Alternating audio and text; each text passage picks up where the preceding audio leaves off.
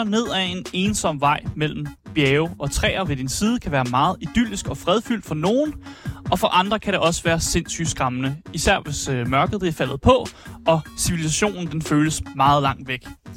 Det eneste, som skærmer dig mod naturen, det er den bil, du kører i, og naturens lyde, de bliver ikke rigtig hørt, fordi øh, der spiller en mærkelig sang i radioen.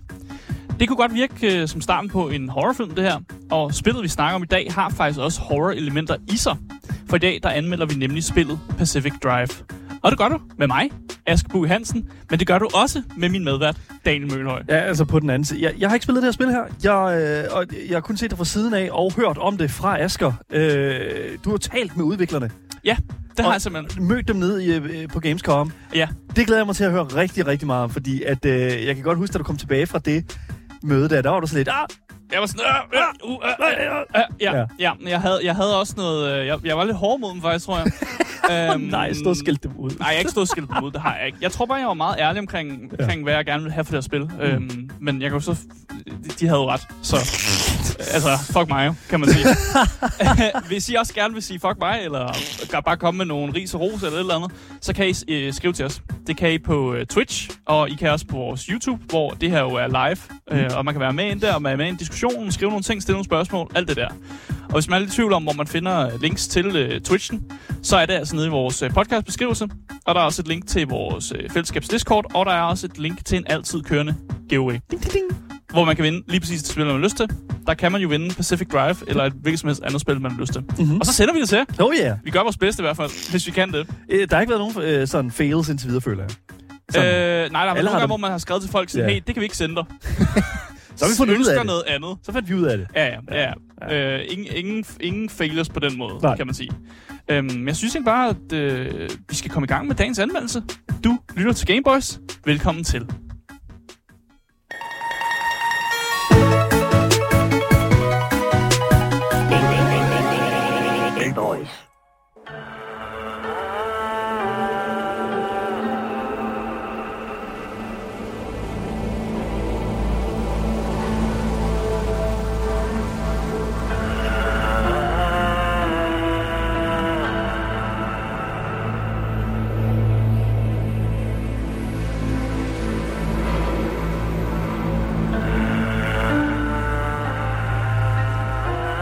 Og ja, der er lidt mystik i den her sang, føler jeg. Sådan lidt, uh, uh, uh sådan, det, er lidt, det er lidt mærkeligt. Sådan, uh. Det er meget klart, hvad for nogle følelser øh, Ja. de gerne vil have os til at føle, når vi sådan hører musikken i hvert fald. Der er ikke overhovedet ikke altså, nogen tvivl om, at, at der er sådan en... Åh, oh, her, hold da op. Hvad, hvad sker der her, ikke? Ja, ja, præcis, ja. præcis. Også når man sådan ser gameplayet her, altså det er sådan, der er virkelig... Ja, især introen er sådan Ja. lidt, øh, man ved ikke rigtig, hvad man Uh. går ind til, faktisk, Altså- altså, når man skal spille det her spil her. Altså det, det her, det er lidt ligesom at køre øh, på de mørke veje i Jylland. Ja, jeg var ved at sige, det kunne også være sådan, man er på vej til Twin Peaks, eller måske sådan Det er øh, godt, et, øh, et Twin- andet ja. sådan lidt mærkelig, en mærkelig by, øh, der ligger midt i ingenting, og der sker mystiske ting og sådan noget der. Silent Hill. Ja, Silent Hill, var jeg Ja. så at sige. Ja. Øhm, udgiveren af Pacific Drive, det er et, øh, en udgiver, der hedder Kepler Interactive, som er en, det jeg vil beskrive som en indie-udgiver. Øh, men de har altså nogle gode bangers i sig. Mm. Mm. Jeg kiggede lidt på, hvad de har udgivet. Øh, Sifu har det været med til at udgive. Oh, really? Okay, ja. Cat Quest, som også er okay kendt faktisk. Jeg ved Ja, godt, ja. du ikke ved. Jo, jeg ved godt, ved det, men, jeg men tror det, godt, jeg ved, hvad det det er. er også sådan lidt... Et, Ja. Folk kan godt lide det. Mm. Scorn har det været med til at udgive. Wait. Ja, det står i hvert fald på deres hjemmeside. Okay, okay. Kepler. Ja. Er det det, det hedder? Det hedder Kepler Interactive. Okay, I understand now. Ja, øh, de har også ud, øh, været med til at udgive noget, der hedder Te- Techia, som også var et indie-spil, som også var med i snakken om Indie Game of the Year og sådan noget der. Så de har altså, de kan finde ud af at udgive nogle indie-spil. Det kan de i, det, i den her udgiver. Det er sådan lidt... Altså, når man har en, en udgiver som... Altså, en indie-udgiver som dem her, ikke? Altså, sådan... Det, det er ikke øh, sådan Devolver Digital-niveau. Nej, men jo, men, men de, er, sådan- de er sådan, de er lige mand. De er lige mand, siger ja, du? det, ja, Okay. altså Devolver, de udgiver meget mere. Altså, Jeg de, tror, de det er det, jeg udgiver mener. konstant. Ja, okay. Øh, men ja, Kepler har der nogle gode spil her, øh, på den her liste i hvert Det fald. er virkelig, virkelig stærkt spil, ja. Udvikleren, det er et øh, nyt studie. Det er deres debutspil, det her. Det er et studie, der hedder Ironwood Studios. Og det er jo faktisk et studie, som startede med en person. Øh, det er ham her, der hedder Alexandra Drakot. Og han ville gerne lave det her spil. Mm. Og så startede han jo bare med, at det skulle han lave selv. Så fandt han jo så ud af, at det der med at lave et spil, det, øh, Ja. det er lidt krævende. Uh, han har tidligere, jeg kiggede lidt på hans baggrund, han har arbejdet for Sony, Okay. øh, hvor han også har lavet en masse ting og sådan noget der. Øhm, men han besluttede for, at han ville gerne lave det her spil. Det var et, et, et, sådan et, et passion-projekt, han gerne ville lave. Og så endte han skulle alligevel med, at han blev sgu nødt til at lave et team, og han blev nødt til at få lidt hjælp til at lave det her spil. Så der er ja. langsomt kommet flere på projektet, som jo bare startede med ham. Øh, men som nu har øh, 19 medarbejdere. ja. Så Okay. det startede med 1 og 19, øh, som det er nu. Så det er, jeg har lyst til at sige, sige indie-spil, men altså, der er kommet lidt flere på, og sådan, der er kommet lidt mere penge i projektet, men vi er ikke, vi er ikke i dobbelt A-territorium. Altså, jeg vil, nej, altså jeg vil jo sige, hvis du tager sådan et, uh, studie, et dansk studie for eksempel, Invisible Walls, som vi har været inde og besøge. Ja. Øh, vi var blandt andet inviteret til deres Halloween-fest, hvor vi ikke vidste, det var en Halloween-fest. Men anyways, det var jo også et relativt stort studie, men jeg vil jo stadigvæk øh, klassificere dem som en, en, en indie-developer. Ja. Selvom at det er et ret stort altså sådan kontor, som de, de, de har. Ja, for mig er indie-developer, så er man altså under 10.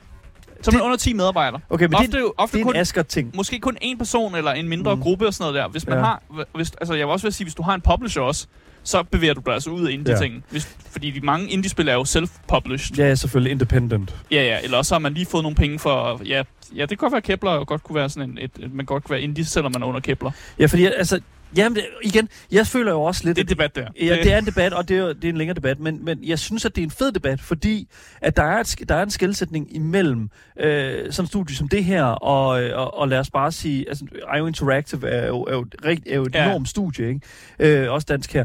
Øh, men, men, men jeg føler alligevel, at når produktionen er, øh, er relativt minimal, altså 19 mennesker, Ja. det er ikke mange hænder øh, Nej. på, et, på et produkt, som der er så stort som det her, så vidt jeg ved, så, og så vidt jeg kan forstå, så er det her spil her, altså, hvor, hvor lang tid har du øh, været i gang med, med Pacific Drive? Jeg har spillet over 19 timer. Du har spillet over 19 timer. Ja. Jeg har set øh, nogle af de Steam reviews her, øh, hvor der er playtime på godt og vel 40 timer. Ja, og så har vi også det gameplay, vi ser i dag, hvor han gennemfører det på 7 timer. Ja. Hvilket jeg synes er næsten kriminelt. Hvor, Faktisk. Well, ja, ja. Det skulle du være med. Ja, the grind, ikke? Det, det er jo så, hvad det er. Så, kører, så undersøger du altså ikke noget. Så kører du bare.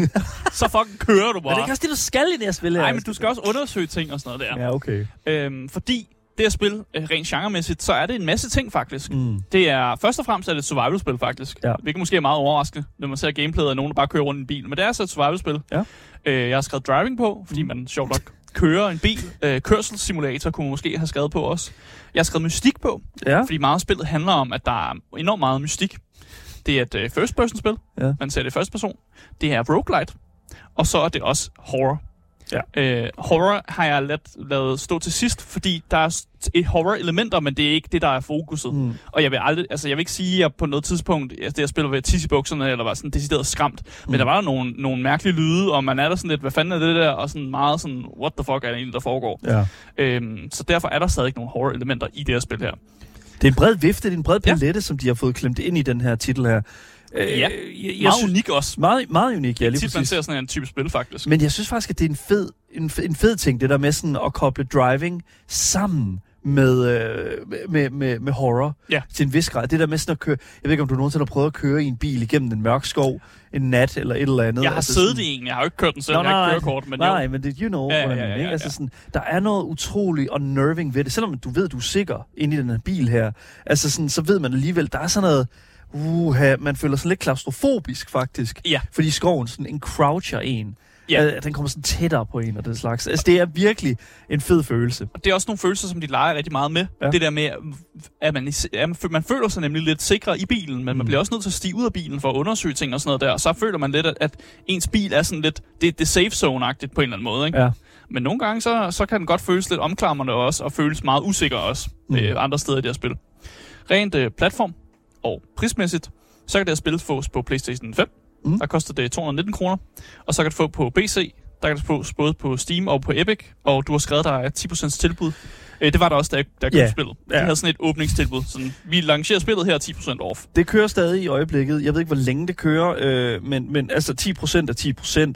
Ja. Øh, den, den fulde pris, den er så de der 219 kroner, udover så på, øh, hvad hedder det nu, øh, øh, udover på På Steam. Steam, der koster det 223. Men Ja. det er jo fordi, den går efter euroen. Ja, Øh, der, der, er lige nogle, øh, ja. der er en lille smule forskel der, men det er... Jeg har lyst til at sige samme pris alle Ja, steder, faktisk. ja, ja, ja. Fordi 4 kroners forskel, det tror jeg fandme ikke gør meget fra til for folk. Men, men stadig. Det skal stadig... Det, Ja, det skal ret, med. Skal, ret skal være ret. Ret, okay, fair nok. Ret skal være ret. Men Ja. ja. 219 kroner, det er sådan... Det er, en, det, er en, det, er en, det er et godt indie-spil, der er her. Mm. Det er ikke et, et billigt indie-spil, men det er sådan, du, det, der er noget kvalitet i det indie-spil, og det er 30 prisen er efter det. timer, 40 timer. Ja, det synes Ikke? jeg, Altså- det, altså prismæssigt, så giver det mening. Det, er- det, det, Måske det lyder godt, ja. En god, en god pris, og især hvis Ja. ja. man kan få 10% off. Det Ja. synes jeg også altid er et fint tilbud at komme med. Og man kan også sige et eller andet sted, at hvis du køber det på Steam, øh, der er en god refund policy der. Øh, Ja. Det skal også lige sige, hvis du spiller under to timer, eller to timer, og faktisk også lidt over to timer nogle gange, vil jeg sige, har jeg også øh, formået at få, at få refund. Ja. Øh, man kan lige prøve det, men er det sådan et spil her, hvor at, øh, skal man ud over de to timer, jeg skal før det ja, bliver det, godt? ja, det synes jeg faktisk. Okay. Jeg synes ikke, man når at opleve så meget på to timer. Nej. Man når ikke opleve det, der sådan ligesom fanger en helt på to timer. Man, Okay. man bliver ligesom kastet ind i nogle startelementer, øh, men man skal over to timer, før man Okay. rigtig kommer ind i det spil. Alright. Øh, man kan jo starte med at forklare, hvad det egentlig går ud på. Ja. Fordi i Pacific Drive, der spiller du som en unangiven person. Du bliver bare kaldt The Driver. Mm. Øh, og hvis man så gameplayet her på stream, så finder man ud af, at man, det, man er faktisk ved at skulle levere en pakke. Så man er teknisk set en driver. Du er en delivery. Du er en Man. delivery man. Ja. Og så bliver man med vilje, eller ved et uheld, det er sådan lidt, det kan man jo tyde, som man har, man har lyst til, øh, så bliver man ligesom hed ind i den her zone. Og den her zone, okay. det er et afspærret område, øh, et, et afspærret naturområde i det vestlige Nordamerika, som regeringen har spærret af på grund af uvisse årsager. Okay. Det ved vi ikke hvorfor. Mm. Øh, og den her, din person, den her person, du spiller som, bliver så fanget ind i den her zone, de bliver suget ind. Det så man i starten af gameplayet. Woo, suck den. Øh, og på grund af nogle øh, overnaturlige fænomener, så kan du så ikke komme ud af den her zone igen. Du kan ikke bare gå ud Nej. eller forlade zonen. Nej. Det er, der er noget overnaturligt, der ligesom holder dig herinde. Tænk Okay. øh, mærkelige, sjove øh, shows og film, I har set, hvor folk ikke kan komme ud af de mærkelige ting, de er fanget i. Der er sådan lidt, øh, hvad det hedder det der, øh, fra, fra øh, Du kan ikke forlade Silent Hill. Ukraine. Sådan noget Nå ja, okay, sådan noget agtigt. Bortset fra Silent Hill, der er det vildt, at bare byen bliver taget op, og så når du prøver at gå ud af byen, så er der bare en kæmpe skrant ned. Ja, ja, sådan noget. Men det er sådan, på, på en eller anden måde er det sådan noget med, at du kan ikke rigtig komme ud af den, fordi det, vejene gør sådan, at du altid så havner op det samme sted. Og sådan, ja, noget. selvfølgelig. sådan noget klassisk Hvad er det, horror det noget. Chernobyl-spil hedder? Øh, Stalker? Stalker, ja, lige præcis. Sådan Ja. noget der. Øh, men frygt dig. Ja. Der er andre mennesker, som er fanget i zonen, og de kontakter dig over radioen, og så prøver de jo ligesom at navigere dig igennem og hjælpe dig, øh, hjælpe dig med at komme ud af zonen, samt dem selv. Fordi de er jo også fanget. Så de vil også gerne ud. Og der de ser en mulighed i dig, fordi du har øh, adgang til en bil. Du fucking kan køre rundt. Fuck, man. You, Ja. you got a car. Ja, what? Shit, okay. Lig, ligesom hvis du ejer en pickup truck i virkeligheden, Og- så skal du altid haul folks lort rundt. Men du finder også ud af, at den bil, du kører i, øh, den er åbenbart meget vigtigt. Øh, den bliver kaldt et remnant, og den er åbenbart meget speciel, den her bil. Den kan ligesom... Øh, den kan bryde nogle pseudoscience zoneregler. Ja, de har, fået, de her mennesker har fundet ud af, at der er nogle regler for den her zone her, men bilen, den kan bryde de her regler. Så den er, den er noget pseudoscience, der gør, at den er meget mere speciel. Øh, og derfor er den vigtigt, og, og, og du er vigtig, i, fordi du kan køre bilen. Så I er bundet til hinanden. Der er den her bil. I er vigtige. Altså, altså bare lige for at pointere, altså det der ligner en, sådan, en gammel Ford stationcar, Ja, eller det er en stationcar. Ja. Station wagon. station wagon. This, Ja. this looks wild. Og den er, den er designet efter ham, udvikleren, øh, ham, ham vi snakker om, Alexander, øh, han til familie havde en øh, station wagon, de var, øh, da han var barn. Og de plejede at bo i det her område og kørte igennem skoven og sådan noget der. Ja. Så den er bare designet efter hans øh, families øh, station wagon. Cool. Det, det er sådan, den er designet. Ah, det er cool. Ja, så du er den her person, og du skal komme igennem zonen, og du er meget afhængig af din bil, og de her mennesker vil gerne hjælpe dig med at komme igennem zonen. Mm. Og det er egentlig det, som spillet egentlig går ud på. Så skal der selvfølgelig en masse crafting, og der er en masse ting, der foregår i det. Ja. Men det tager vi jo. Ja, det tager vi om jo. alt det her gameplay. Jeg tror, hvis vi øh, bare lige hurtigt skal, hvad hedder nu, snak, øh, bare lige hurtigt skal, øh, skal runde den der sådan, snak om indie og den slags der. Ja. Fordi jeg, nu hvor jeg lige har hørt, hvad det handler om alt det her, jeg synes, at det lyder som om, at det her det er et spil, som har mange af de elementer, øh, som vi kender fra andre indie-titler. Ja. Altså den der kvalitet, den der sådan, øh, vi føler ikke, at der er en stor corporate entity, som har stået og kigget nogen i nakken her. Nej, det, Det føler her, det er et passion project. Ja. Og det synes jeg, det er, det er derfor, vi snakker indie versus Præcis. triple I, eller hvad det er. Især fordi netop meget der handler om ham der Alexander, som Ja. er den store drivkraft bag spillet, som meget det, det, det går på hans personlige erfaring med, at han har boet i det her område. Han har lavet skovtur med sin familie, hvor de bare kørt ud i skoven med, i deres station wagon, og ja. sådan... Øh, og den, de, de mærkelige ting, man vil høre i radioen, fordi nogle gange så vil have radioen i bilen, den vil pick up mærkelige signaler. Fordi seriøst, i USA, der sidder der folk ude i skove, og bare sender rogue-signaler ud, hvor de bare skriger konspirationsting ud. Altså, det, det, er- det er real nok, det her. og det er bare, det er fucked, at det eksisterer, at det, at det er en ting, men sådan er det bare. Mm. Øhm, og noget af det er jo ligesom gjort, at han så er blevet inspireret til at lave det her lidt øh, mærkelige spil, som foregår ude i sådan en, det her område her, i den her zone. Men, Men jo. øh, Skal vi komme ind i noget Lad os, gameplay? komme ind, lad os komme ind i det. Ja, ja. Lad os komme ind i noget gameplay i Pacific Drive.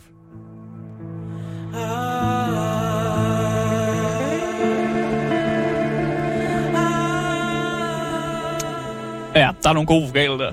Der er sådan lidt, øh, det er sådan lidt Avatar. Ah, det er sådan lidt, Dune måske, sådan ja, noget. Dune, ja, måske. ja. Ja, sådan noget der. øhm, først og fremmest, jeg øh, snakkede med udvikleren nede på Gamescom, og jeg var faktisk originalt lidt skeptisk over for det her spil. Fordi det første gameplay, man så for meget, meget lang tid siden, som ikke rigtig ligger nogen steder. Jeg prøvede at se, om jeg kunne finde det, men og jeg, jeg, jeg, ved ikke, om det er mig, der har, har haft en eller anden hjerne, et eller andet, men jeg ved, at jeg har set noget gameplay, hvor det her spil originalt var tredjepersons spil. Ja. Øh, så kom der selvfølgelig noget gameplay ud for et år siden, som viste det first person, og det lagde jeg jo mærke til, og jeg havde mulighed for ligesom at snakke med udvikleren. Og der sagde jeg jo til dem, øh, at hvad, hvorfor har I valgt at lave det her skift fra tredjepersons til førstepersons? Fordi det var jo tredjeperson, hvor man så det fra top down, Ja. hvor man kørte rundt, ligesom forestiller sådan uh, Suck at Parking, Jeg eller kan sådan godt de huske der bilspil yes. og sådan noget der. Det er præcis. Øh, og jeg spurgte egentlig bare, hvorfor de lavede det her kæmpe skift, og de sagde, at det skiftet havde også været enormt krævende. At de har brugt rigtig meget tid på det. Ja. Øh, og når jeg hører det, så tænker jeg, åh oh, nej, hvorfor er det så, at I bruger så meget tid på det, for at lave det her skift? At, at, hvad, går det ikke ud over kvaliteten på spillet, og at man bruger så lang tid på at gøre noget first person, og man skal rykke det til no, en anden type øh, programmering i Unreal Engine? Øh, men de, han sagde simpelthen, at det var fordi, det bedre ligesom komplementerede det gameplay, de gerne vil lave i spillet, og den type sådan Ja. feel, de gerne vil give spillet. Og det, det skulle være, de horror-elementer skulle kunne mærkes lidt bedre, hvis det er first person. Det forstår jeg jo godt. Det er mere klaustrofobisk. Ikke? Ja. Altså sådan det der med sådan at være helt tæt på, det er også en grund til, det er også derfor, at Amnesia for eksempel ikke er third person. Ja, Øh. og jeg vil også gerne sige undskyld øh, til udvikleren for, at jeg måske var lidt for kritisk. Oh, here we go. Øh, jeg kan godt se, hvad du mener nu. øh, jeg synes, det er helt fair. Øh, du havde ret. Øh, du er udvikleren. Jeg er bare øh, skide dum anmelder.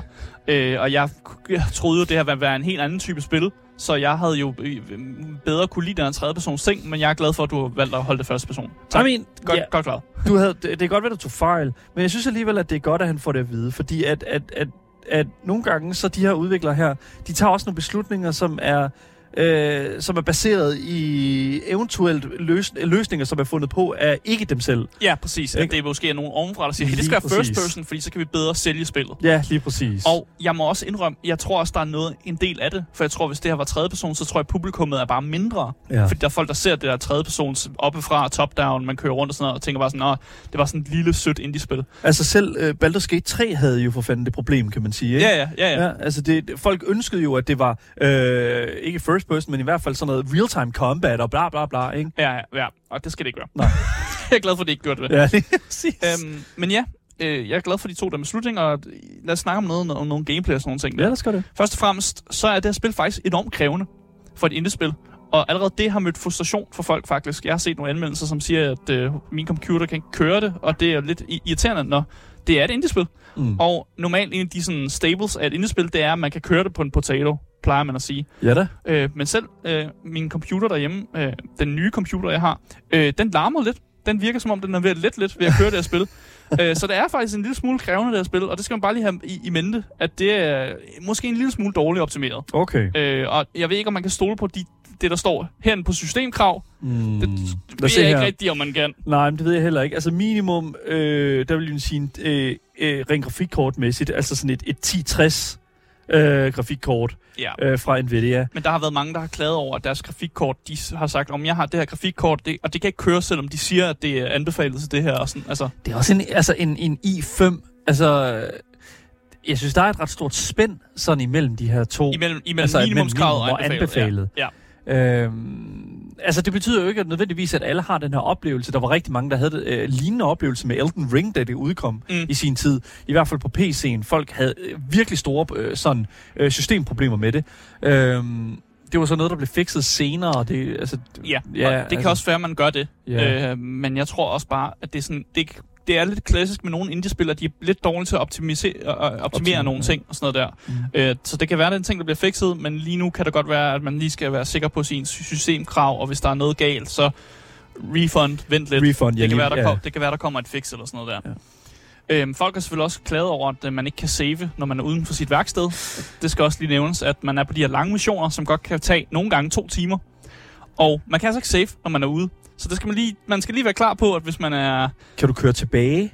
Nej, du kan ikke køre for tilbage. du, du er fanget ud på din mission, du kan abandon dit run, men så mister du alt dit loot.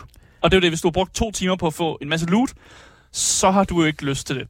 Det synes jeg er rigtig, rigtig... Det synes, det, det synes Ja. jeg faktisk, det er rigtig ærgerligt, Det det, er også der. den store klagesang, Ja. jeg ser på, på alle, alle steder, hvor man kan lægge review. Det er simpelthen, at folk vil gerne have den her feature, og det kan, det kan umuligt være svært at lave. Så jeg tænker måske også, det er noget, det kigger på, og noget, der måske kommer senere. Men lige nu, Mm. jeg synes også nemlig også, det er irriterende. For jeg har også været nødt til at uh, abandon et run, fordi jeg skulle noget. Og det er sådan, så mister man sit loot. Det er ligesom i Kingdom Come Deliverance. Kan du huske det? I, altså, der, der skulle du, du skulle drikke sådan en... Øh, jeg tror, du skulle drikke sådan en potion eller et eller andet, før du kunne save. Ja, man, ja, jo, jo. Og det var vist ja. ikke rigtig nemt at lave eller sådan noget. Ja, man skal drikke, ja, og man skal blive- fuld af det og sådan Ja, noget. Helt fucked. fuldstændig ja, ja, dumt. Det, det var faktisk lidt, lidt mystisk, at man har valgt at gøre på den måde. Præcis. Øh, men jo, det er nogle, nogle startkritik-ting. Øhm, men generelt set, så er det her spil, det er lavet til ultranørder. Okay. Det her det er ikke et spil, jeg vil anbefale til nye gamere. Det er det simpelthen ikke. Hvis du ikke har spillet en masse spil før, så skal du ikke spille det her spil. For der er så mange systemer, der er så mange øh, mærkelige ting, der er så meget, man skal have styr på, og man kan nemt overse det, og hvis du overser en ting, så kan det øh, være virkelig frustrerende og give dig mange setbacks. Mm. Øh, det er også en ting, som mange anmeldere har været ude og kritisere. Øh, det her med, at spillet kan godt være svært. Øh, for nogen i hvert fald. Mm. Øh, og så kan man jo, man kan altid sige get good og alt det der. Men, men der er bare nogle systemmæssige ting, som gør, at det her spil, at man skal virkelig sætte sig ind i nogle ting, og man kan godt nemt overse nogle ting og sådan noget der. Øhm, og så er der også folk, der har kommenteret på, at de synes, det er lidt kedeligt at rende rundt i det her værksted. Øhm, fordi man bruger rigtig meget tid i værkstedet, fordi det, der gør, at man kan klare sig godt ud på missionen, det er god forberedelse. Og det gør, at man skal, man skal bruge tid i værkstedet. Hvis man ignorerer det, så klarer du dig ikke godt, når du så er ude, og så mister du en loot, og frustrationscirklen, den, den vokser ligesom Ja. det er, en, det er en negativ spiral. Hvis du ikke sætter dig ind i tingene, så bliver tingene frustreret og sådan der. Så det skal man også have i mente, at Mm. det er, at man skal, være, man skal være klar til at nørde. Man skal være klar til at, at, at, at ligesom øh, manage rundt med sit inventory. Man skal være klar til at ligesom bygge nye dele til sin bil, og ligesom rende rundt her værksted og lave fix-up ting. Og nogle gange kan du godt rende rundt her værksted i en time, før du rent faktisk kom, Mhm. kommer ud og kører. Okay. Øh, så det skal man bare lige være klar på. Ja, altså det er jo et spil, som er øh, 100% øh, hvad hedder det nu, singleplayer det her, ikke? Altså, Ja, sådan, præcis. Det, Ja, ja, ja. Der er slet ikke noget multiplayer-element til det her spil. Nope. Nope, nope, nope. Øhm, og, og, og det kan man jo sige et eller andet sted, altså hvis man kunne stå i det mindste og snakke med nogen, og, eller samarbejde om at sådan, arbejde på den her bil her, så kunne man jo forstå det. Ja. Men det, igen, det vil ikke give mening rent gameplay-mæssigt, det ud til. Nej, og Nej. Der er også en del af mig, der var sådan, at hvis det her var top-down tredje person, så var alt det her løst igennem nogle menuer. Mm. Så skal man ikke manuelt gå rundt og fikse bilen og sådan noget der. Nej, nej. Og det kunne også have gjort tingene hurtigere og sådan Okay. noget der. Men man har valgt at, at køre det manuelt for at give den der feel om, at man, man gør det. Man bliver bundet til sin bil. Det er Ja. ja. sådan mig, der, der fysisk arbejder på den. Derfor bliver man lidt mere bundet til den, når man har ikke lyst til at miste, når man passer på den og sådan noget der. Agtigt, ikke? Det, jeg ved ikke, hvorfor det minder mig så meget om det spil, der hedder My Summer Car. Kan du... Ja, det aner Okay. ikke, hvad det er. Nej, nej, men det, det er sådan et garagespil, hvor du skal bygge din egen bil fra bunden, og så foregår det i et eller andet ø- østeuropæisk land, Ah, okay. hvor folk kører i den, lige pludselig i den modsatte side af vejen, så du brugte sådan tre timer på at bygge din bil, og så kommer der en og kører ind i, i det frontalt. Uh, Altså sådan, uh. Og, det, og det er jo det der med, sådan, du får... Jeg synes jo, det er fedt, fordi du får en følelse af, at du virkelig har sådan et...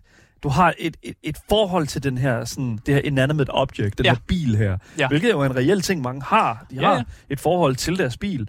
Øh, øh, men, men jeg synes jo et eller andet sted, at i, i, i, de, i den her sammenhæng her, at det er en, det er også sådan en companion. Ja, ikke? altså det er det. Den, den er, ja. Man får at vide, at den er en remnant, så den er, der, Ja. og, og den har sådan noget, noget gue nede i motoren, som virker som om, den er lidt levende. Den pulserer sådan Den noget. har gul Ja, der er sådan noget sort gue-agtigt, så den er sådan levende. lore. Jamen, der, der, der, The lore! der er et eller andet ved den. Og øh, øh, ham, der har lavet spillet, han udtalte, at øh, da de har skrottet ideen om, at der skulle være sådan... Øh, der skulle åbenbart have været noget story, hvor du oplever noget story mellem dig og din bil. At der- de havde seriøst lavet noget... Det, det var sådan en original ting, men det, det de skrottede, fordi det, jeg tror, det blev lidt for weird. Nu kommer vi over i sådan TLC-niveau Nej, men ikke på den måde. Det er ikke, der er ikke, sex, det er ikke seksuelt noget. nej, det er nej, bare nej, det der nej. med, at, at der er noget levende, der ligesom har, har sat sig fast. Ja. Der, der er sådan en ghost in the machine-agtigt. Et eller andet i bilen, der ligesom Ja. Kan interagere med dig eller noget. Det I mean- mean, er ikke med i spillet. Nej, nej, men det er stadig, altså, det er stadig cool tænkt, og det er Ja. stadig cool, at det er sådan, at det, det er sådan lidt der, hvor, hvor, hvor udvikleren kommer fra. ikke? Præcis. Ja. Men ja, gameplayet, det kan deles op i sådan to dele. Den ene, det er dig, der som arbejder på din bil, laver upgrades, render rundt det her værksted, får nye værktøjer, alt det der. Mm. Og så dig, som rent faktisk kører rundt, klarer main objectives, finder ressourcer, etc. Alt det der. Øhm, og som sagt, man kan få mange timer til at gå i værkstedet, fordi man vil jo gerne optimere ens bil. Det der med, at man vil have nye dele til ens bil, bedre dele, man vil gerne installere mærkelige gadgets. Øh, den første gadget, du så, det var sådan et, åh, kan man hoppe i ens bil? Så var sådan, ja, man kan installere sådan en, en jump dimmer. Fucking Rocket League. Ja, som gør, at man kan lave sådan en lille hop. Øh, og det første, der står, når du installerer det, det er, at bilen, altså den, den kan hoppe, men bilen er jo ikke lavet til at lande. Så man skal også være lidt påpasselig med, hvor meget man bruger den der hoppe-feature, fordi Okay. den er, det, affjedring er ikke ligesom lavet efter, at du kan hoppe med den. Det er meget sådan en, en, en emerg, et emergency hop, Ja. øh, hvis man kan se sådan der. Så skal okay. man selvfølgelig reparere sin bil, fordi når man er ude og kører rundt, så bliver den fucking smadret, og der er også ting, der smadrer din bil og sådan noget der. Du skal lave opgraderinger, du skal lave øh, det, der hedder quirk, quirk fixes, øh, og du skal organisere dine ressourcer, Mm. øh, fordi en bil kan få quirks. Og det er sådan noget, jeg tror, mange bilejere måske godt kender. Det der med sådan, om bilen drejer lidt til, til venstre, når jeg tænder for sprinkleren. Sådan noget der. ja, det, det, det, det, kan, det kan også ske. Det kan også ske, og så skal man, øh, så skal man ind og fikse det også og sådan noget der. Okay. Ja, øh, så det sker også, og, og skal fixes. Men man, altså, man render meget manuelt rundt, øh, og alle de her ting, og man har valgt ikke at gøre det igennem en menu, som jeg måske gerne vil have. Der er nogle plus og minus for begge dele. Ja, ja, det har vi snakket om. Ja, ja. Øhm, men spillet, det serverer information meget uvandt, og det er også derfor, jeg siger, at nye spillere skal lige beware. New gamers, stay away. Øhm, og man bliver faktisk ikke, man bliver virkelig ikke holdt ved hånden i det her spil. Øhm, jeg begyndte først at bruge det, der hedder Quirk-fixeren, sådan 14 timer inde i mit gameplay. ja. Den havde jeg simpelthen overset, og det var en ting. Men er det Og- fordi, at du, at, at du havde nogle quirks, som ikke var så noticeable? Jeg, jeg begyndte, I starten var jeg bare sådan, lidt, hvad, hvad foregår der her? Fordi der, jeg, der, jeg havde mange, da jeg endelig begyndte at bruge quirk-fixeren. Ja. Og en, en af de slemme, det var hver gang jeg bakkede, så ville mit hud så det ryge op, så jeg ikke kunne se noget. Og jeg var bare sådan, hvad, hvad, jeg, i starten troede jeg bare, det var en bug og sådan noget der, og man får ikke rigtig forklaret, at det er fordi bilen kan få nogle quirks, og du kan fikse de her quirks ved hjælp af en maskine i værkstedet. Men det er sådan lidt gemt. Det er ikke, det er ikke super sådan... Skal du så ud og lukke den igen? Yes, well, nej, det der skete så, det er, når jeg så kørte frem, så lukkede hovedet sig igen. Fordi en anden quirk gjorde, at hovedet lukkede sig igen, når jeg kørte fremad. Det var helt fucked. Ja, og sådan noget med min bagsmæk, hver gang jeg brugte øh, sprinkleren, eller hver gang jeg brugte øh, den der viber, der, Ja. ja. der, der viber form på, så ville min bagsmæk åbne sig. Ja, og det, jeg fattede det ikke i starten. Øh, men så finder man ud af, at det, Fuck, hvor er det genialt, det er det, man skal gøre. Og hvor er det irriterende. Ja. Øh, man skal derfor regne med, at man bliver lidt frustreret, når man spiller det her spil, fordi man kommer til at lave en masse dumme fejl, simpelthen fordi spillet fortæller dig ikke, hvordan man gør tingene, og man skal lidt opleve dem, før man ligesom finder ud af, at der er en løsning på tingene. Ja, ja, ja. Og det kan godt skabe en del frustration for mange, tror jeg. Øh, det var lidt frustrerende for mig, men man får også den der, det der Eureka-moment, når man så finder ud af, om det er bare det, jeg skal gøre. Og så løser man det og sådan noget der. Men bliver du slet ikke taget igennem på noget tidspunkt de her forskellige... så- For det, for, altså, Man får måske en, en, okay. noget lille sådan, hvor der står, øh, den siger måske sådan, øh, fuel din bil, okay. men den siger ikke, hvordan du skal gøre det. Oh, Så okay. det er ofte sådan, man får sådan en lille tekst, der siger, du skal gøre det her, eller gør det her, eller find den her ting. Mm. Men man bliver ikke taget i hånden på den måde. Nej. Det er meget sådan, og så kan man jo lidt, øh, lidt komme til at ignorere det, fordi man netop ikke får den der in, sådan in-depth tutorial på, hvordan man egentlig gør tingene. Øh, så ja, der er ikke så meget handholding i det her spil, og det kan godt være irriterende for nogen, især når man opgraderer og køber nye objekter. øh, og spillet er, er rigtig god til ikke at beskrive præcis, hvad objektet gør, men giver bare sådan en lille sød tekst, hvor man sådan derved selv skal regne ud, hvad tingene gør. Okay. Ja, øh, for eksempel en, et godt eksempel er, at man får sådan, i starten får man sådan det første, jeg kan kalde det våben, quotation, våben, man får er sådan en, en pulse emitter, du kan sætte på din front bom- bomber, øh, men du får ikke vide, hvordan den virker, du får ikke, eller du får ikke rigtig vide, hvad, hvad, hvad den virker imod. Man finder så ud af, at når man aktiverer den, så kan elektriske sådan, maskiner ikke, ikke, ikke komme tæt på din bil og sådan noget der. Men det er meget sådan en, man skal, man skal lige prøve det af, og man skal lige finde ud af, hvordan det egentlig fungerer, før det ligesom giver mening. Hvorfor vil elektriske maskiner komme tæt på ens bil, Asger? Øhm, det er jo... oh, Der er mange mærkelige entiteter i den her verden her. Du skal ikke ud i skoven Men jo, natten. som jeg også sagde før, øhm, et godt run, det starter i værkstedet med de rigtige forberedelser. Øh, og det handler altid også om, hvilken rute man kører, og hvor langt man gerne vil på de her runs. Det er jo ligesom, det er ting som en roguelike, så man vælger sin rute, og så når man valgt sin rute, så kommer man tilbage til værkstedet, der hvor man startede, okay. og så vælger man en ny rute. Mm. Øhm, så lad være med at gamble. Lad være med at køre igennem ustabile zoner. Du får dig selv op. Ja. Jeg kommer til at gøre det. Lad være med det. Det Ups. kan godt være, at man tænker, at man får mere loot, og det er federe og sådan noget der. Bare lad være med det. Okay. Øh, fordi du ender med at skulle, altså, øh, du bruger meget tid på det, og så mister du alt dit loot. Mm. Og det kan godt være frustrerende. Øhm, de laver randomly generated maps, når man er ude at køre. Så ikke en tur er den samme. Og det er jo klassisk roguelite, at så man oplever altid, altid noget på sin tur. Altså, når jeg, inde i, jeg, når jeg sådan ser interiøret i den der bil, der man sidder i, Ja. altså det er jo meget sådan en til en, når man sidder i en rigtig bil, føler jeg. Du har både sådan, du har sådan uh, gearskiftet, du har sådan, uh, hvad hedder det, the wipers, Ja. du har alle de der ting der. Ja. Altså sådan, det, det er utrolig meget at skal sådan finde rundt i, føler jeg lidt, for, øh, for en person, som måske Har du noget som dig, som ikke har kørekort? Ja, og det, jeg har også skrevet det, at øh, folk med kørekort, de har faktisk lidt en fordel her. Øh, er det rigtigt? ja, i starten af spillet, der What? glemte jeg at bruge træk håndbremsen rigtig meget. Hvor er det fedt. Og det er jo det der med, at jeg går ud af bilen for at hente noget loot, og så kommer jeg tilbage som en bil væk. Og det er jo fordi, den er bakket ned. Den er bakket ned af den her lille bakke, jeg holder på. Det er real world lore. Men problemet er, og det er det der med, hvor det bliver sådan en videospilslogik Ja, ja. versus virkelig logik. Ja. Altså andre biler i andre spil, der har jeg aldrig nogensinde behøvet at trække en håndbremse. Never. Og jeg har ikke kørt en rigtig bil, så jeg tænker ikke, det her er tættere på en virkelig bils oplevelse. Jeg skal trække i håndbremsen, når Ja. jeg går ud af min fucking bil, ellers så triller den væk. Fuck, hvor er det sjovt, Så det mand. skete et par gange, og jeg var sådan, hvad fanden? og så fandt jeg ud af, hov, jeg skal trække i fucking håndbremsen. Jeg skal sætte min bil til park, ellers så fucking triller den væk. Fuck, hvor er det grineren, det der. Ja, og sådan noget med, at jeg også kom til at lade lyset stå tændt i min bil, så den bruger bilbatteriet. Og det er jo ikke så godt, for bilbatteriet er en enorm øh, god ressource at have. Ja, den er pissevigtig bilbatteriet. Øh, så det er det der med, at man skal lige sætte sig ind i, at spillet er altså mere kørselssimulator, end det er a video game car. Altså det er virkelig sådan, der vi er. Øhm, når du er ude at køre, det er der alt det sjove er. Nu har vi snakket meget om værkstedet. Man ved jo, at der foregår en masse paranormale ting i den her zone, men man får ikke rigtig et koncept af, hvad det betyder. Og det elsker jeg. Ideen om, at øh, der foregår nogle ting. Mm-hmm. Hvad er det? Jamen, det ved jeg ikke. Det må du finde ud af. Og det kan være alt muligt. Altså, man har sådan en, i min, mit hoved var sådan, okay, er det spøgelser? Er det store monstre? Eller er det noget helt andet? Og den eneste måde, man ligesom finder ud af det på, det er simpelthen igennem førstehånds erfaring. Ja. Ved simpelthen at køre ind, no, ind til nogle af de der entiteter, og så man kan scanne dem. Så får man lidt øh, ba- baggrundshistorie, men simpelthen at opleve, hvad de gør. Om de er ondsindede, og nogle gange brænde sig lidt hårdt på dem, fordi at man ligesom prøver dem af. Ja. Øh, og det er den eneste måde at, at lære dig at kende på. Jeg kan godt lide det. det er sådan, du, du er nødt til lige at stikke foden i vandet, før du ved, om det er varmt eller koldt. Ja, man skal lidt forestille sig, at øh, også, selv når du har scannet objektet, så får du sådan en, i stedet for at få sådan en beskrivelse på, hvad de gør, og hvordan de kan gøre dig ondt, og hvad Mm. du kan gøre mod dem, så får du bare sådan en lille fortælling, som er meget sådan SCP-agtig fortælling, sådan creepypasta-agtig fortælling om objektet, Okay. som nogle gange ikke rigtig fortæller dig noget. Det var sådan et, åh, oh, uha, det var mysti- mystisk, og det her ting kom op bag os og gjorde alt det her. Men er sådan et, hvad er det egentlig, den gør, og hvordan kan den skade mig? Det får man ikke at vide. Mm. Så det, må du, det skal du også, igen, det, det bliver du nødt til at, at prøve af. Ja, øh, for at ligesom folk kan forestille sig det, så forestil dig, at du spiller Minecraft, men der er ikke nogen, der har fortalt dig, hvad de forskellige monstre gør i Minecraft. Den oplevelse, du kan ikke Ja. ja. google det nogen steder, Nej. du kan, ikke, du kan ikke slå det op.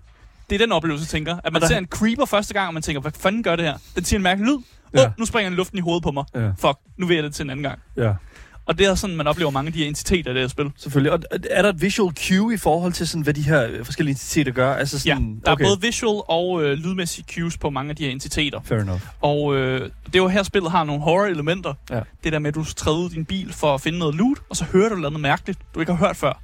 Og så bliver man jo automatisk en lille smule bange. Ja. Fordi man er sådan, fuck, jeg har aldrig hørt det her før. Hvad gør den? Kan den skade mig? Kan den skade min bil? Er den aggressiv? Er den passiv? Fordi jeg har valgt at opdele de her entiteter i passiv og aggressiv. Ja. Og det er jo noget, man ikke er helt, man er ikke helt sikker på, fordi øh, man skal jo lige lære dem at kende. Ja. Øh, jeg har givet nogle, nogle kort lige, bare for at spoile nogle entiteter. Nogle af de første. Ja. Så det er ikke kæmpe spoilers. Nej, okay. Øh, de første passiv øh, sådan anomalies, man ser, det er det, der hedder turister. Ja. Og turister, det er mannequin-dukker, eller sådan crash test dummies, Oh som kan opstå ud af ingenting. Og øh, der opstår ofte, hvis du ser en af dem, og du så kigger væk, og du kigger tilbage igen, så kommer der flere. Så de akkumulerer Ah, det er som sådan en weeping angel. Ja, eller sådan noget. Sådan der, kommer, der, der kommer flere af dem. Ja. Øh, de er passive til gengæld. Okay. I starten er fucking skræmmende, fordi man tror, de kommer tættere på en. For Ja. der bliver med at komme flere, men de er passive. De kan altså ikke noget. Og de er faktisk, øh, når man har lært dem at kende, så er de mega ikke skræmmende. Okay. Fordi de er, bare, sådan, de er bare irriterende. De er der bare. De er bare i vejen. Ja. Ja, man skal lade med at sparke til dem. Det gjorde jeg. Så sprang de i luften. Oh, shit, okay. Så lærte jeg det. Don't touch them, ja. Ja, man kan godt røre ved dem, bare sparke, sparke til dem. Okay. Og, og, når man kører ind i med, med sin bil, så springer de også i luften og giver skade til din bil. Så Ja. man skal bare undgå dem. Så er der øh, flyvende potholes, som er, at de, valg, de har valgt, i stedet for øh, potholes, det er jo, når der er et hul i, øh, i vejen, Ja. de har valgt at gøre det sådan med, nej, men potholes, det skal ikke være hul i vejen. Det skal være sådan et, der er sten, der flyver i, i, øh, i luften. Okay, Dem skal du ikke køre ind i. Nej, Så okay. får du sten i roden og sten overalt og sådan noget der. fair enough. Øh, så er der også en flenser. En flenser, det er sådan en... en Vi er stadig under passiv, Ja, vi er ikke? stadig passiv. Okay. Og det er alt sammen passivt, det her. Fordi de, de gør ikke noget, så længe du undgår det. Og Nej. flenser, det er bare sådan en, sådan, forestil dig en stor savkling, der bare kører frem og tilbage på vejen. Der skulle okay. bare lade være med at køre ind i savklingen. Okay, Men what den, the føl, den følger ikke efter dig eller gør noget der. Nej. Den, er, det er bare, den savklinger bare lige frem og tilbage. Den hænger bare der. Ja, ja, og så skal man bare det, lade være med at køre ind i savklingen. Okay. Så er de aggressive. Øh, der er dem, der hedder abductors. De kan bortføre din bil med dig, og men- mens du ikke er i den. Oh, så no. det værste er, når man er inde i et hus, og man så kan høre, at man kan se ens bil, der er at blive trukket væk et eller andet sted. Det er sådan flyvende UFO'er-agtige, som bare kommer. De er fucking skræmmende i starten, og så finder man ud af, at de bare er pisseirriterende øh, senere i spillet. Hvor, hvor tager din bil hen? De, tager den bare med. Den Okay. Skal, den, vi ved ikke, hvor, hvor den vil den her. Hvad sker der? Kan du miste din bil? Øh, Det ved jeg ikke. Jeg når altid at løbe sådan tilbage og sådan, fuck, gå væk fra min bil. Okay, så... Ja, ja man kan godt indhente sin bil. Men okay, du kan er godt ikke så indhente- hurtige. De er ikke så okay. hurtige, men, men ja, de, øh, de, jeg ved ikke, hvad der sker, hvor de tager din bil hen. Hvor- Okay. Så er der dem, der hedder... Jo, vi ser faktisk en i gameplayet her. Der Ja. så I sådan en lille UFO her. Og det er sådan en abductor, der er- Den okay. abducter din bil. Den kan også tage fat i dine ting. Så hvis du har noget i hånden, så tager den det bare. No! Øh, så har vi det, der hedder bullets, Ja. som er fucking skræmmende. Det er sådan nogle... Øh, jeg ved ikke engang, hvor jeg skal beskrive det. En orm, som ikke er en orm, men den er lavet af, af asfalt og sten. Og den nogle gange kan den sådan stikke sit, sådan en lille tårn frem og kigge på dig. Og så kan den øh, gå ned med sit tårn, og så kan den sådan spawne andre tårne under bilen, så den laver sådan okay. og smadrer dig og sådan lave udfordringer i vejen og sådan noget der. Mm. Mm. Øh, og de er aggressive nogle gange, og nogle gange er de passive. Så nogle gange kigger de bare på dig og gør ikke noget, og andre gange så vil de gerne lege lidt. Okay. Det, det skal man lige have en følelse for. Fair enough. Øh, jeg ved ikke, vi skal tage flere entiteter, det tager lang tid der. Ja, det er også fint nok, Så- men, men hvor kommer alle de her entiteter fra? Og det er det. Jeg har fundet frem til, at mange af de her entiteter nok er menneskelavet, Okay. men jeg er lidt i tvivl. Og der, der, okay, og der er må jeg faktisk tage hatten af for at lave nogle monstre, som jeg aldrig nogensinde i mit liv har set før. Okay. Som er baseret på ting, jeg... jeg altså, de er ikke baseret på, for, du ved, du ved det klassiske sådan, østeuropæisk folklore eller sådan noget der. Det, det er decideret original creations, det her. Okay. Og jeg ved godt, mannequin-dukker, der dukker op ud af ingenting, det har man lidt set før. Men den måde, de fungerer på og sådan noget, man, man bliver altid overrasket over, at der faktisk er nye ting i det her spil, som, som man ikke har set før, og, og har mærkelige måder at være på. Og AI'en er sådan lidt mærkelig med dem. Man kan ikke rigtig regne dem ud, og det elsker jeg egentlig. At det er sådan lidt uh, uvandt og Mm. mystisk. Mm. Og det er det, der gør, at de der horror-elementer jo også spiller lidt ind, fordi man er aldrig helt sikker på, hvad, hvad, hvad spillet finder på, og hvad spillet smider efter dig. Øhm, man har virkelig også nogle fuck my moments, som jeg kalder det, når man skal teste ud, hvad de her entiteter gør. For eksempel så var jeg ude af min bil, og så skulle jeg teste en elektrisk entitet, som så stødede min bil, som gjorde min bil bare fucking kørt derud af. Og så skulle jeg jo løbe efter min bil. og jeg sådan, nej, Ja, okay. fuck. Ja. Øhm, og det kan også være mange nogle sjove moments også, fordi det er også lidt sjovt, men det er også lidt irriterende. Ja. Øhm, og så er der selvfølgelig, når man kører rundt, så er der forskellige øh, bygninger, man kan loote, og forskellige bygninger genererer forskellige loot, og man skal selvfølgelig være god til at vide, hvilken loot kommer fra hvilken bygning, fordi man skal bruge bestemte type loot til at bygge øh, forskellige ting med. Der er meget af det gameplay, vi har set lige nu, som vildt bare er sådan... Altså Han sådan går rundt og looter. Component retrie- retrieval. Ja, ja, ja, Ja. præcis. Ja. Og den vigtigste type loot, du kan finde, det er det, der hedder stabil, øh, st- Stability Anchors. Okay. Og et Stability Anchor, det er sådan en stor cube, der sidder i sådan et en mærkelig himstergemst. Jeg kan ikke engang beskrive den. Det er så, det er så weird og mærkeligt.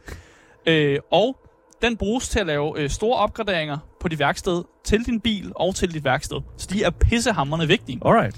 Men hvis man fjerner et Stability Anchor, så bliver den zone, du er i, den bliver ustabil. Og det betyder en masse kaos. Oh, shit, okay. Det er jo det, de hedder. De stability anchors, de gør, at de der uh, entities ikke, ikke går helt amok. Og når man så fjerner det, så går de jo nemlig amok. Ja, ja. Og så gælder det jo om, at man ligesom skal få sine stability anchors. Man skal åbne en- en teleporter, så man kan komme tilbage til sit værksted. Men teleporteren åbner altid et stykke væk fra der, hvor du er. Så det, der ofte sker, er, at du, du tager så mange stability anchors, du kan ind i din bil, Ja. tænder for teleporteren, og så fucking racer du bare til teleporteren, fordi alle de her entiteter jo bare går agurk. Samtidig med, at der også er på bedste Battle Royale, men her, så er der sådan en, en cirkel af arv, kalder jeg det for, der sådan langsomt cirkler ind på, hvor, du skal, hvor det er meningen, du skal køre hen. Okay. Så der er en masse sådan god kaos og god sådan, ah, panik, når man bare kører, og man bliver angrebet af alle mulige entiteter, og man prøver at ryste masser og sådan noget der. Øh, det er rigtig nice. Jeg kan godt lide det. Det er sådan en, en god sådan en blanding af, at man render rundt og looter lidt. Det er sådan lidt stille og roligt, og man styr på det. Åh, oh, der er en sjov lille UFO-ting. Til at lige pludselig så er det bare sådan, fucking go! Alt jeg ved, skal hvor du væk. er. Get out of here. Jeg skal Ja. fucking get the fuck Okay. out of here. Okay. Øh, det er ret fedt gameplay. Ja. Det kan jeg faktisk øh, vildt godt lide. Og hvis du så ikke når teleporteren, eller på en eller anden måde mister din bil, du bliver fucked, du dør, fordi din bil har liv, men du har også liv, din karakter. Og rigtig meget, der er rigtig meget radioaktivt materiale i det her spil her, så man skal passe på med at befinde sig for meget ude af sin bil. Mm. Man kan miste liv, man kan dø, og hvis du, det sker, så mister du alt dit loot. Så det er virkelig sådan en fuck, Okay. Så man skal også være god til at vælge sine kampe, og hvornår der er tid til at tage hjem. Fordi jo flere stability anchors du ligesom fjerner fra en zone, jo mere ustabil bliver zonen, og nogle gange kan man godt lige være sådan et, hey, jeg skal ikke have den sidste med, fordi mm. jeg dør, hvis jeg begynder at gå efter den. Okay, fair enough. Man skal være strategisk med, hvordan man gør det, og man skal også være stra- stra- strategisk omkring, om der er veje, der hvor man vil hen, eller om man skal køre meget offroad, fordi ens bil er fandme ikke lavet til at køre meget offroad. Nej, sådan en uh, stationcar der, den... Uh... Nej, medmindre du selvfølgelig har lavet offroad dyk, øh, eller dæk til den. Okay, dyk, ja, okay. Jeg mener dæk, Ja. ja. Så kan du selvfølgelig godt køre offroad. Alright. Øh, men det er jo sådan noget, du tager senere i spillet. Ja. At du laver, vælger det som en upgrade og sådan noget der. Men din bil kan godt gå i stykker, når du er ude i felten. Skal du så ja, for helvede, så skal du fikse det der? Ja, skal stå og fikse den. Det skal være sådan noget med lap huller, hvis, øh, hvis du har punkteret hjul eller sådan noget der. Yikes. Nogle gange til, skal du til at udskifte dele, fordi der er simpelthen en del, der er gået i stykker, eller nogle gange er der også bare dele, der falder af. Øhm, det, det, er jo det er sådan, det er. Where's the transmission? Ja. Til gengæld har man sådan noget, man har sådan en, en, en gue, man kan smøre på sin bil, som automatisk fikser ting. Det er også en a- anomaly. ja. Vi har, vi har slet ikke snakket om de gode anomalies. Dem tænker jeg, dem vil jeg ikke nævne, fordi der er nogle få af dem, der, er sådan, der, der hopper hen på din bil, og så healer de i bilen lidt, Wow. og så smutter de igen. Og man er sådan åh, tak. Så drive-by handjob. Oh, oh, tak for det. wow, wow. Ja, ja, og lige præcis den anomaly, der er der nogen, der ligner den anomaly, som gør det modsatte, så man er aldrig helt sikker. Nej. Så det var sådan, hey, måske bliver jeg healet, måske tager jeg skade. Cool. Fuck mig. Okay.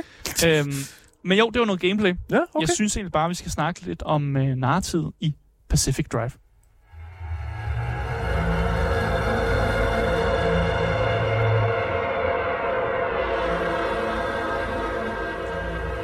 Ja, vi har snakket om gameplayet, og det er enormt spændende, men jeg synes, noget af det mest spændende ved det her spil, det er faktisk narrativet. Det er så spændende, fordi jeg har så mange spørgsmål. Og jeg kan ikke give jer nogen svar, fordi alting er fucking... Altså, man er lidt clueless, og alting kan fortolkes Ja. som man har lyst til. Øh, og jeg føler ikke, at jeg har regnet noget ud, på trods af, åh, oh, der stod sådan en både der i gameplayet. Ah, Sorry, ja, ja. sorry, jeg er nødt til at kommentere på det. There it is! Jeg føler ikke, jeg har fået så mange svar på de ting, øh, jeg gerne vil vide noget om. Mm. Man får selvfølgelig en masse clues mm-hmm. af de tre ka- øh, stemmer. Ja. som man hører i løbet af spillet. Det er en Dr. Oppie, det er en Tobias, og det er en Francis. Okay. Det er de tre personer, man hører på. Ja. Øh, Dr. Oppie, hun er en videnskabskvinde, som ved mest om zonen. Det er hende, som er, hun er meget bestemt i, hvad du skal gøre. Hun er sådan lidt, tag her, gør det her, jeg ved, hvad jeg laver, jeg er fuck videnskabskvinde, I know shit, okay? Okay. Og så, så gør man det. Du siger aldrig noget som karakter. Nej, nej som, fordi du har ikke, at du får forklaret det, at du har ikke en, øh, en, du har ikke en sender. Ah, Du, kan, kun, du kan ah, kun modtage. Du har, du har et par ear, earbuds. Ja, du Ja. kan kun modtage det radiosignalen. Du kan ikke sende noget den anden vej, for du har ikke sådan en fucking radio-ting, der kan gøre, at du kan tale noget den anden retning. Makes så de sense. taler til dig. Ja, selvfølgelig. Øhm, det er hendes værksted, og det er også hendes portalmaskiner, som gør, at man kan portal, lave en portal tilbage til værkstedet. Okay, hvor er hun henne? Hun sidder et sted, man ikke ved. Ah, Hun okay. sidder fanget ude i zonen et sted. Ah. Det gør de alle sammen. Ja, okay. De sidder forskellige steder og er ligesom fanget der, hvor de er. Det minder mig sindssygt meget om The Long Dark. Altså Ja. sådan det der med sådan øh, det der survival-spil ude i sneen. Ja, Ikke? Altså, præcis. det- hvor man kan høre sådan receives, øh, hvor man kan receive øh, radiosignaler og sådan noget også. Præcis.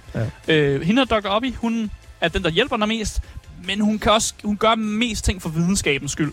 Så man, kan man overhovedet stole på hende, fordi det virker som om, hun er klar på at ofre dig for, du ved, science, Ja, ja. hvis det er det, hun skal. Så har vi Tobias. Ham har jeg kaldt lidt en goon. Fordi jeg er ikke engang sikker på, at han overhovedet er en videnskabsmand. Der er sådan lidt, det er sådan lidt tvetydigt, hvorfor han overhovedet er i den her zone. Og han bliver ved med at snakke om, at han er en kæmpe stor Bigfoot-fan. Så noget, der er noget, der ligesom tyder på, at han... Fordi det her område af USA er faktisk der, hvor man, øh, folk går ud og Bigfoot-hunter.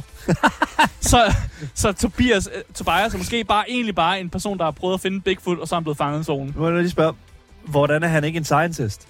He's out there in the, in the Ja, men fields. det er også det. Han er sådan lidt en, en du ved, pseudo-monster-scientist-agtigt, ikke? Han leder jo. Ja, well, He's out there han in er, the så også field. blevet, han er så også blevet fanget i zonen. Ja.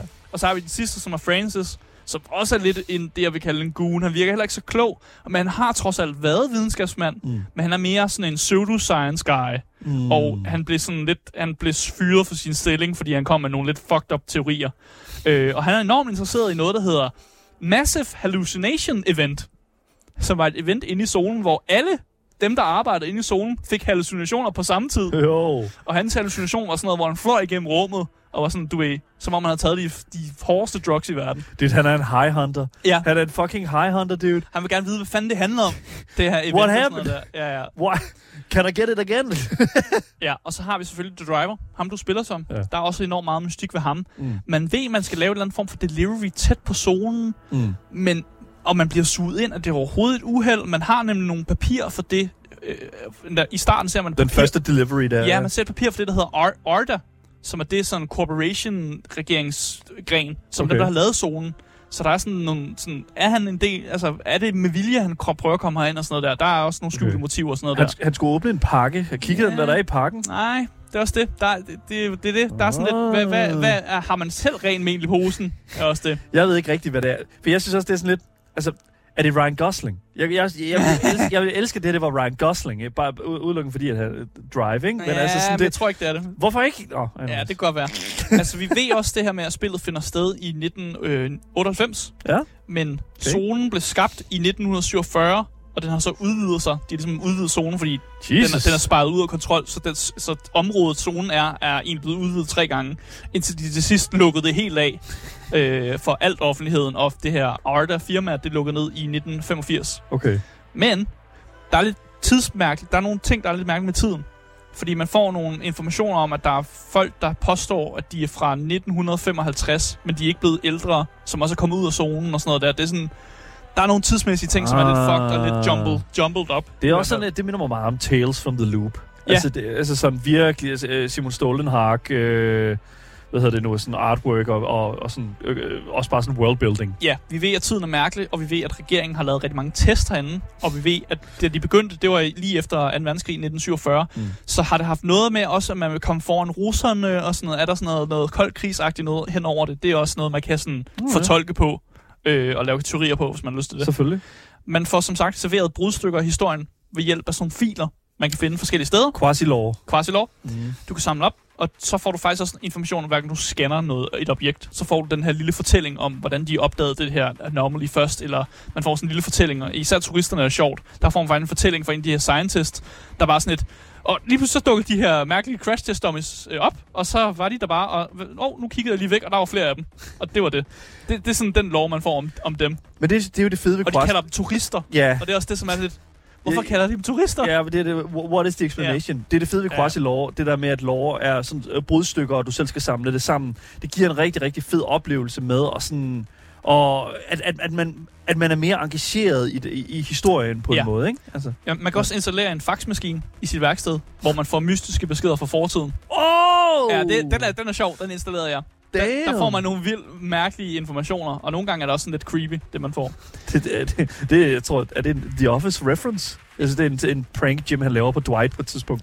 Jeg tror ikke, jeg tror ikke decideret, men, men det er jo bare fordi, ja, Ja, ja, ja. ja. måske. Den, Ja. ja. Man får i hvert fald mystiske beskeder på faxmaskinen. Fair enough. Øh, I hvert fald, bare for at opsummere det, jeg er faktisk enormt interesseret i, hvor den her historie tager mig hen. Mm. Mm. Man kan sådan forvente, at alle de her tre personer, du snakker med, at der er ingen af dem, der sådan helt har rent mel i posen.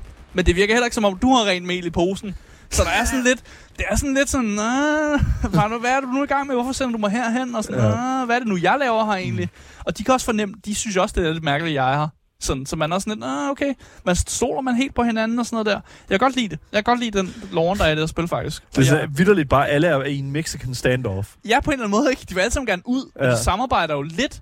Men, men Obi kan for eksempel ikke lide de to andre. Francis og Tobias er blevet lidt venner, fordi begge er så sådan lidt goonagtige, ikke? Ja.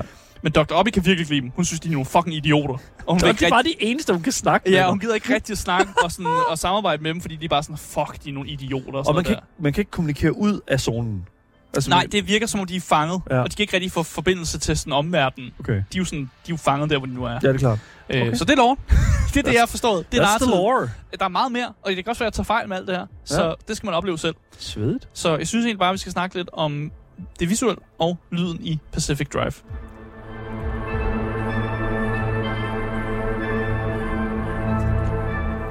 Ja, visuelt. Man kan godt fornemme, at det her spil er lavet i Unreal Engine. Ja. Det er ikke noget galt med. Nej, nej, nej, det, ser- det er det bestemt Det ikke. ser helt fint ud. Ja. Jeg synes, at UI er virkelig clean, faktisk. Øh, ofte, når man er ude på mission, så synes jeg, at de holder det lidt væk. Jeg ved godt, at det, det ser lidt klonky ud lige nu i hvert fald. Men når man kører bag bilen og sådan noget der, så får man ikke så mange informationer, og der plejer det at være sådan lidt mere...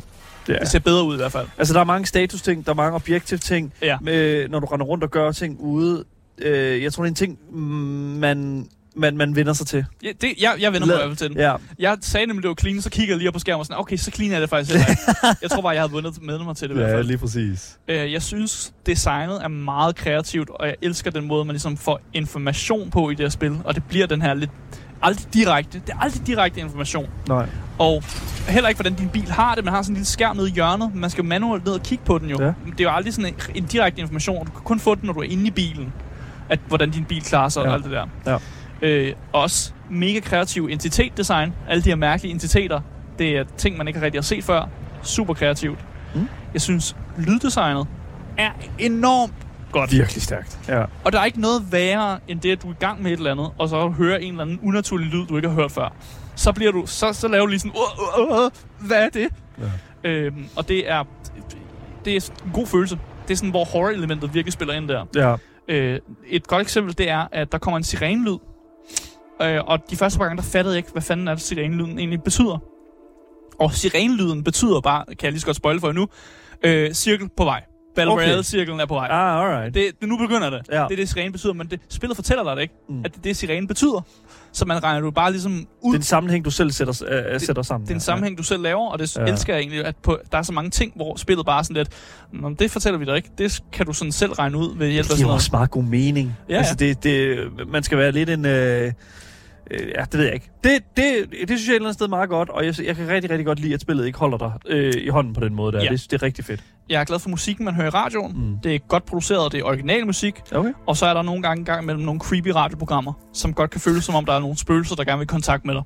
Og mere har jeg ikke lyst til at sige mere Oh, det. damn! Ja, det er en lille smule creepy. Holy shit. Og, og det, jeg husker allermest, det er det radioprogram, der handlede om, at man skal ikke børste tænder, inden man går i seng, fordi så får man mareridt. Så hellere lade dine tænder, rådne.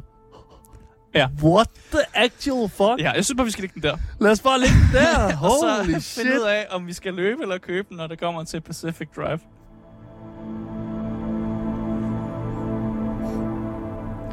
Ja, vi er ikke øh, mange måneder inden i det nye år, men jeg føler faktisk, at Pacific Drive kan blive et spil, vi skal snakke om, når vi skal til at snakke om bedste indie-spil i år. Mm. Det kræver en speciel type gamer, fordi det netop er så unikt og så nørdet. Men hvis du sidder og mangler noget lidt anderledes til en helt fin, fin pris, som er den her lidt over 200 kroner, så synes jeg faktisk, at pengene er rigtig godt givet ud. Cool. Jeg har brugt 19 timer i spillet, og jeg er ikke færdig nu. Og jeg synes virkelig, det her spil det er nyskabende, og ikke lige med så meget andet på markedet. Derfor slutter jeg selvfølgelig af med at sige, køb, Køb. til Pacific Drive. Det er også en vanvittig god pris. Jeg To- synes, det er god pris. 219 kroner på PC og Playstation. Ja, og jeg er blevet meget positivt overrasket Ja. over, hvad det her spil kan. Ja. Så hvis det, det lyder som noget, man godt kan lide, når man hører anmeldelsen, så køb. Lige et par advarelser også. Det kører lige i øjeblikket ikke super godt på, øh, på, på er der nogen, der oplever. Ja. en lille smule PC-problemer. Ja, ja. Øh, men det er jo sådan en ting, man kan opveje med. Og Ja. ja, hvis du møder problemer, og du har købt på PC, så kan du lave et refund. ja præcis. Mega fed anmeldelse, Asger, af Pacific Drive. Yep, tak, mega, tak. mega fed.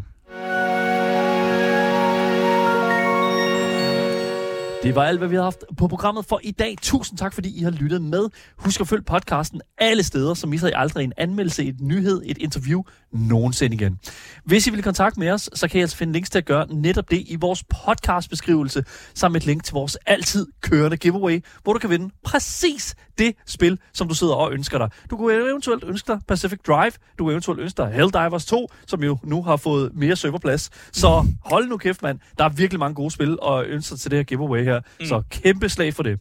Mit navn er Daniel Mølhøj, og med mig studiet har jeg selvfølgelig haft dagens anmelder, Asger Bukke. Yes, yes. Vi er tilbage igen meget snart med meget mere gaming og meget mere Gameboys. Vi ses. Pas godt på jer selv. Hej hej.